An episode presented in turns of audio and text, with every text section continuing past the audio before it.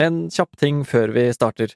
Denne høsten jobber Forklart med å lage enda bedre nyhetspodkaster. Vi har allerede snakket med noen lyttere for å få noen hint, men nå vil vi be om litt mer hjelp fra deg. Vi har laget en kort spørreundersøkelse for å bli litt klokere på hva du som hører på, egentlig vil ha.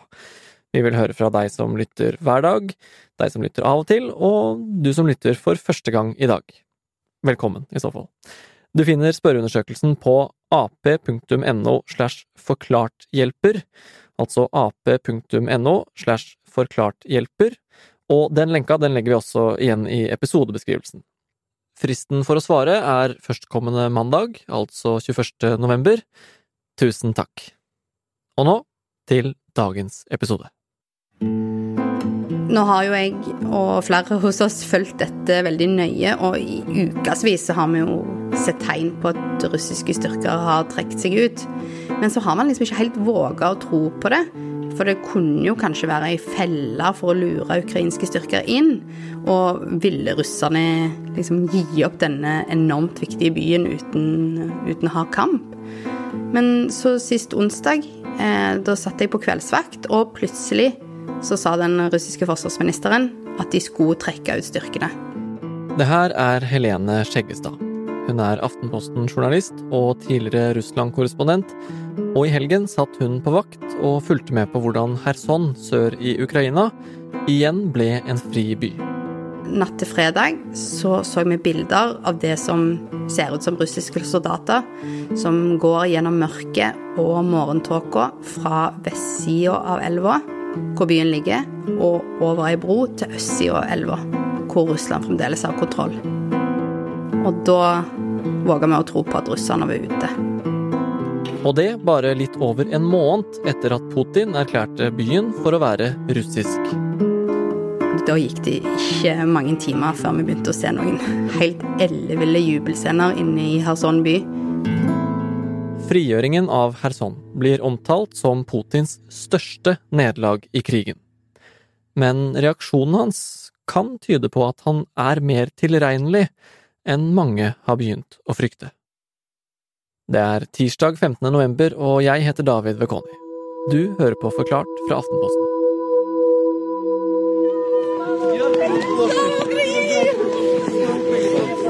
Først hadde noen bare hengt opp et enkelt ukrainsk flagg. Men det, jeg tror ikke det gikk en time engang før det kom flere og flere mennesker til.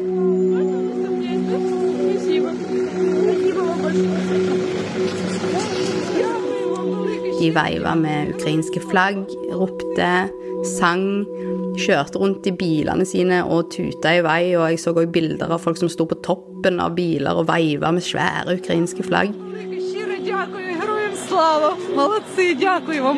Um, og på hovedplassen i byen så dukka det opp eh, noen ukrainske soldater. Og de ble klemt og kyssa og løfta opp og båret på gullstol. Og eldre damer de dukka opp overalt med store blomsterbuketter som de, de ga til soldatene.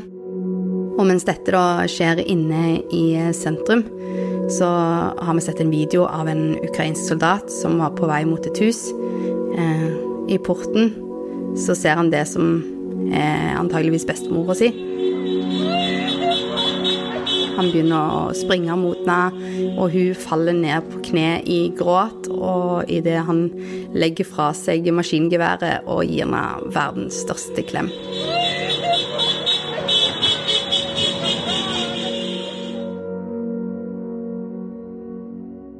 Men så er det jo sånn da at eh, på den andre sida av jubelen så er det noen som ikke er særlig fornøyd. Eh, for den russiske presidenten Putin så er dette det største nederlaget han har hatt i denne krigen. Ja, og hva er det som gjør Kherson så viktig da for Putin, som gjør dette til et så stort nederlag? Det er en region som er kjempeviktig for Russland, eh, og det handler i hovedsak om tre ting. For det første så er det regionen som med russiske øyne, da, eh, beskytter Krymhalvøya. Eh, vannforsyningen til Krym går f.eks. gjennom Kherson fylke. Og for det andre så er det en region som er veldig sånn, strategisk viktig for hvordan det går med krigen. eh, kontrollerer Russland hele Kherson, så ligger veien åpen for å gå videre inn i Ukraina, til f.eks. havnebyen Odessa. Og det siste er jo den symbolske verdien. Eh, byen var den eneste regionalhovedstaden som Russland fikk tatt etter februar. Og det var òg det eneste stedet de kontrollerte vest for denne elva Dnipro. Eh, så på mange måter så har eh, dette vært deres utstillingsvindu for at det var riktig å gå til krig. Men så måtte de jo da trekke seg ut.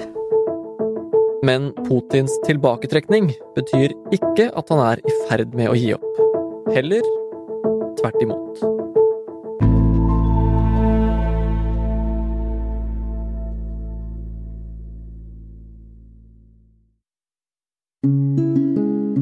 Kherson er den eneste provinshovedstaden i Ukraina som Russland har klart å ta.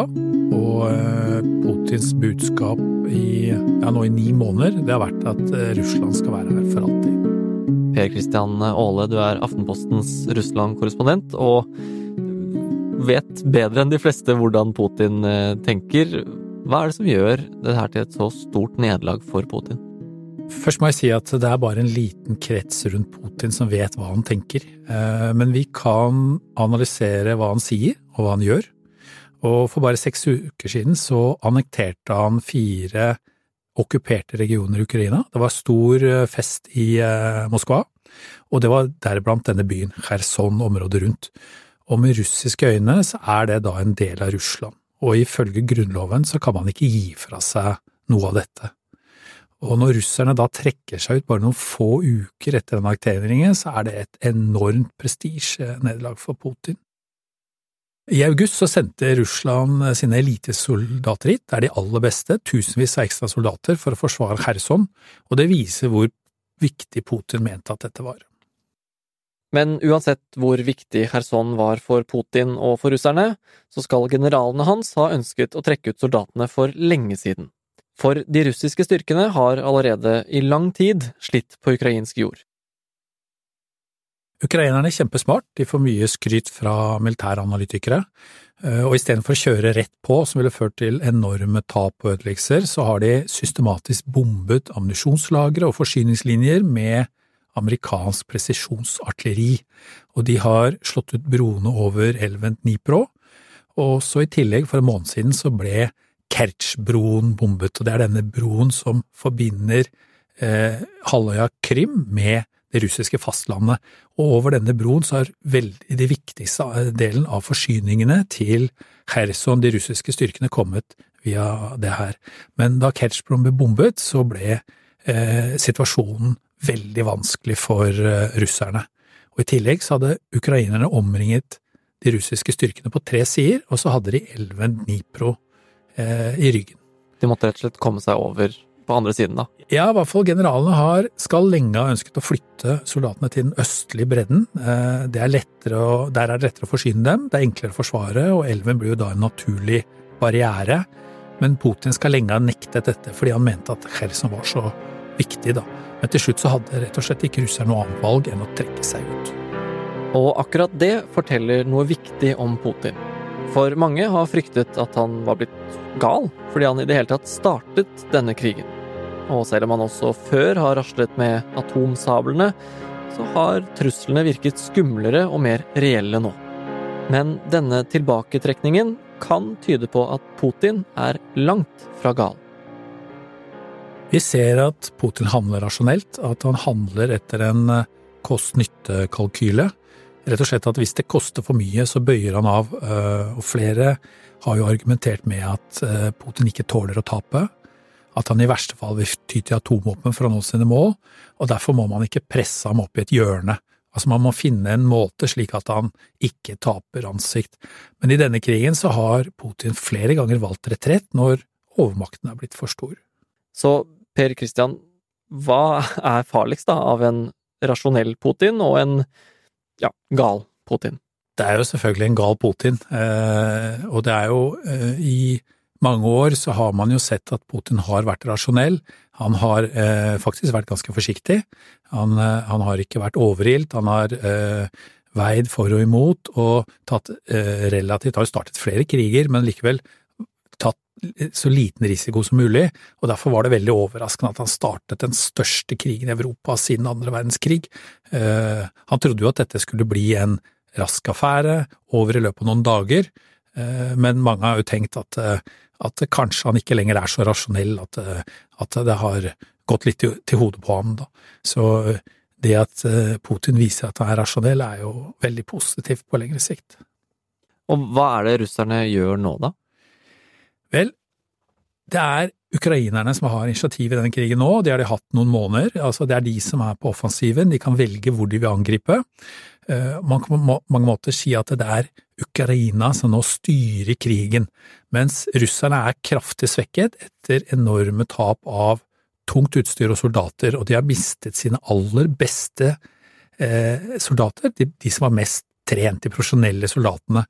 Eh, Putin har mobilisert tusenvis av ekstra soldater, men, eh, og mange av dem er jo sendt direkte til fronten, men de har jo ingen erfaring, nesten ingen trening. Eh, så det russerne gjør nå, er at de prøver å forsvare seg. De graver seg ned, lager flere forsvarslinjer. Eh, og samtidig så angriper de systematisk ukrainsk sivil infrastruktur, strøm, vannforsyning osv., og, og de håper at det skal svekke ukrainernes kampmoral. Eksperter mener at denne bombingen virker mot sin hensikt, men russerne håper i hvert fall at det skal øke ukrainernes vilje til å forhandle. Og Putin har i flere uker presset på for å få til forhandlinger med ukrainerne. Men det har de ikke vært særlig interessert i. Det kan man jo forstå. Eh, det er etter at eh, ganske tidlig i krigen ble avdekket systematiske krigsforbrytelser i områder som Russland har okkupert. Og Ukraina ønsker ikke da å overgi noen områder til Russland, de ønsker ikke å overgi ukrainske borgere, for de vet hvordan, eller hva som kan skje med mange av dem. da. Eh, så Putin han håper da isteden at setter egentlig sin lit til krigstrøtte europeere og amerikanere, og at de skal presse Kiev til forhandlingsbordet. Eh, og det er jo fordi at eh, Ukraina er helt avhengig av vestlig støtte for å fortsette krigen. Men det er nok ikke fredsforhandlinger Putin vil ha. Målet hans skal nemlig være en våpenhvile. Han angivelig vil kjøpe seg tid for å forberede en ny stor offensiv i februar eller kanskje mars. Eh, det sier i hvert fall kilder i Kreml som uavhengige russiske medier har snakket med. Mens Ukraina er jo ikke tjent med en våpenhvile, for det er jo de som vinner, eh, mens Putin har alt eh, å vinne på å stoppe kamphandlingene, fordi det er russerne som taper.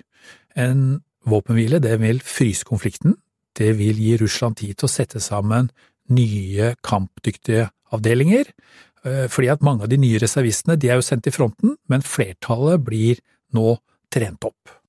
Ok, så eh, Putin vil ha en våpenhvile nå for å bygge seg opp, det, det jo, er det jo ikke noe tegn på at det blir, eh, men hva er da den mer langsiktige planen? Vel, russiske eksperter er litt delt i synet på hva Putin egentlig vil. Noen mener at han ikke har gitt opp målet om å underlegge seg Ukraina, han tror at han vil vinne i det lange løp, og han kommer ikke til å gi seg. Mens andre eksperter, russiske eksperter, de tror at Putin nå har innsett at han ikke vil klare å vinne. Han prøver desperat å beholde deler av de okkuperte områdene, slik at han kan presentere det som en seier. Fordi at hvis russerne blir presset tilbake til grensene før krigen, så vil jo det være en katastrofe for Putin. Altså, da vil det tvinge seg fram en debatt om hva var vitsen med denne krigen, hvorfor er titusenvis av russiske soldater blitt ofret for ingenting? Det vil gjøre Putin ganske upopulær eh, blant russerne, da? Ja, for dette er jo i en stor grad Putins krig. Han prøver nå å fordele skylden, men russere flest de vet veldig godt at det er Putin som startet uh, denne krigen. Uh, og flere eksperter mener at i lengden så er hans popularitet knyttet til hvordan det går på slagmarken. Så En viktig grunn til Putins popularitet i mange år, det har vært at han har gjenreist Russland som en stormakt. Og mange russere er veldig stolte av det, eh, fordi at de har følt seg ydmyket etter Sovjets fall og det økonomiske kaoset som var på 90-tallet. Men så har jo denne krigen vist at Russland er ikke så mektig og sterkt som Putin har fortalt. Eh, han klarer ikke å vinne krigen. Så en del eksperter mener derfor at målet til Putin det er ikke lenger å vinne krigen, men det er å unngå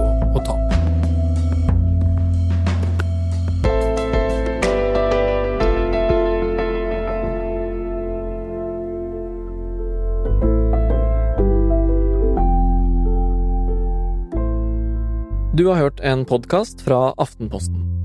Det var Russland-kjennerne Per Christian Aale og Helene Skjeggestad som fortalte om frigjøringen av Kherson. Lyden i episoden er fra verifiserte videoer i sosiale medier. Det er Jenny Førland og jeg, David Vekoni, som har laget denne episoden. Og resten av Forklart er Anders Weberg, Anne Lindholm, Fride Næss Nonstad, Synne Søhol og Marit Eriksdatter Gjelland. Og du, husk spørreundersøkelsen som jeg nevnte i starten av episoden. Nå som du har hørt ferdig episoden, så kan du jo gå inn på ap.no slash forklarthjelper og hjelpe Forklart med å bli enda bedre. Det tar bare fem minutter. Har du lyst til å møte oss i Aftenposten? Vi har i hvert fall lyst til å møte deg og fortelle hva vi holder på med. Og den som sier det, det er meg, Trine Eilertsen, sjefredaktør her i avisen. Mandag 21. november arrangerer vi A-Live for første gang, en festival rett og slett, der du kan få møte journalistene våre, featurejournalister, korrespondenter, kultur, sport, gravejournalister. Jeg kommer til å være der sammen med Aftenpodden-gjengen, og du kan få komme og høre på så mye du vil. Sjekk hele programmet og kjøp billett på akortet.no – event.